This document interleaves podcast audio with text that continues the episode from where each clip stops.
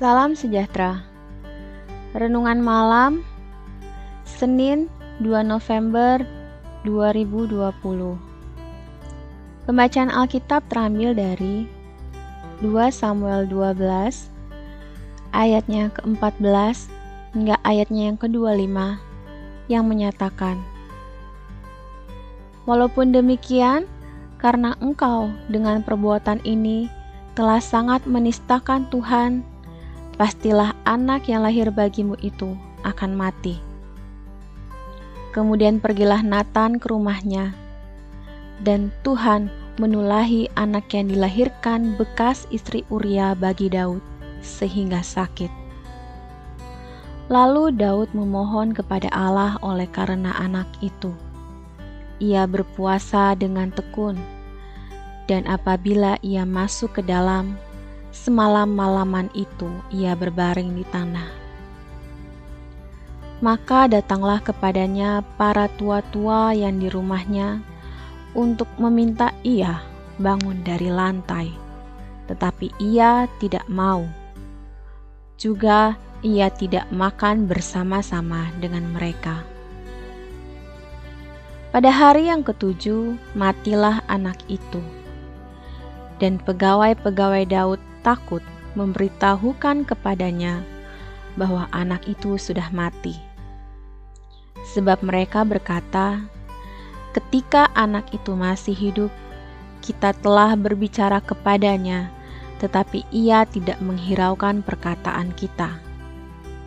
Bagaimana kita dapat mengatakan kepadanya, 'Anak itu sudah mati'? Jangan-jangan ia mencelakakan diri." Ketika Daud melihat bahwa pegawai-pegawainya berbisik-bisik, mengertilah ia bahwa anak itu sudah mati. Lalu Daud bertanya kepada pegawai-pegawainya, "Sudah matikah anak itu?" Jawab mereka, "Sudah." Lalu Daud bangun dari lantai. Ia mandi dan berurap dan bertukar pakaian ia masuk ke dalam rumah Tuhan dan sujud menyembah. Sesudah itu pulanglah ia ke rumahnya dan atas permintaannya dihidangkan kepadanya roti lalu ia makan. Berkatalah pegawai-pegawainya kepadanya, Apakah artinya hal yang kau perbuat ini?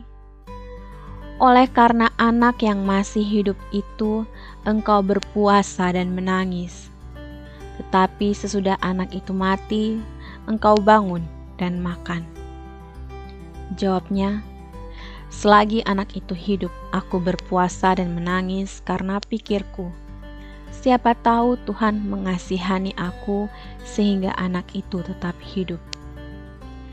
Tetapi sekarang ia sudah mati, mengapa aku harus berpuasa? Dapatkah aku mengembalikannya lagi?'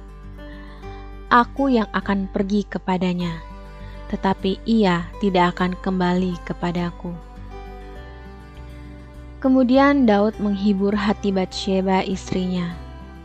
Ia menghampiri perempuan itu dan tidur dengan dia. Dan perempuan itu melahirkan seorang anak laki-laki. Lalu Daud memberi nama Salomo kepada anak itu.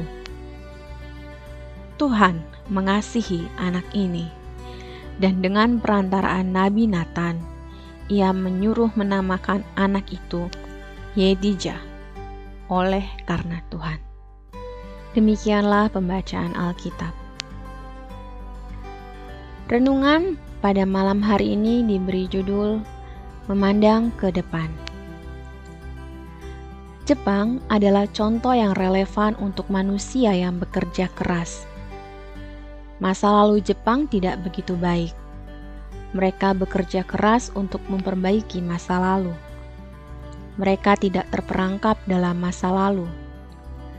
Mereka tidak begitu lama terjebak dalam kesedihan. Mereka mempunyai keberanian untuk maju. Dasarnya adalah tekad yang kuat. Tekad yang kuat mengubah hal buruk di masa lalu menjadi indah di masa depan. Dengan kata lain, Manusia yang terjebak dengan meratapi masa lalu tidak akan melihat peluang di masa depan. Daud menyadari bahwa hukuman Tuhan sudah final dan tidak dapat diubah.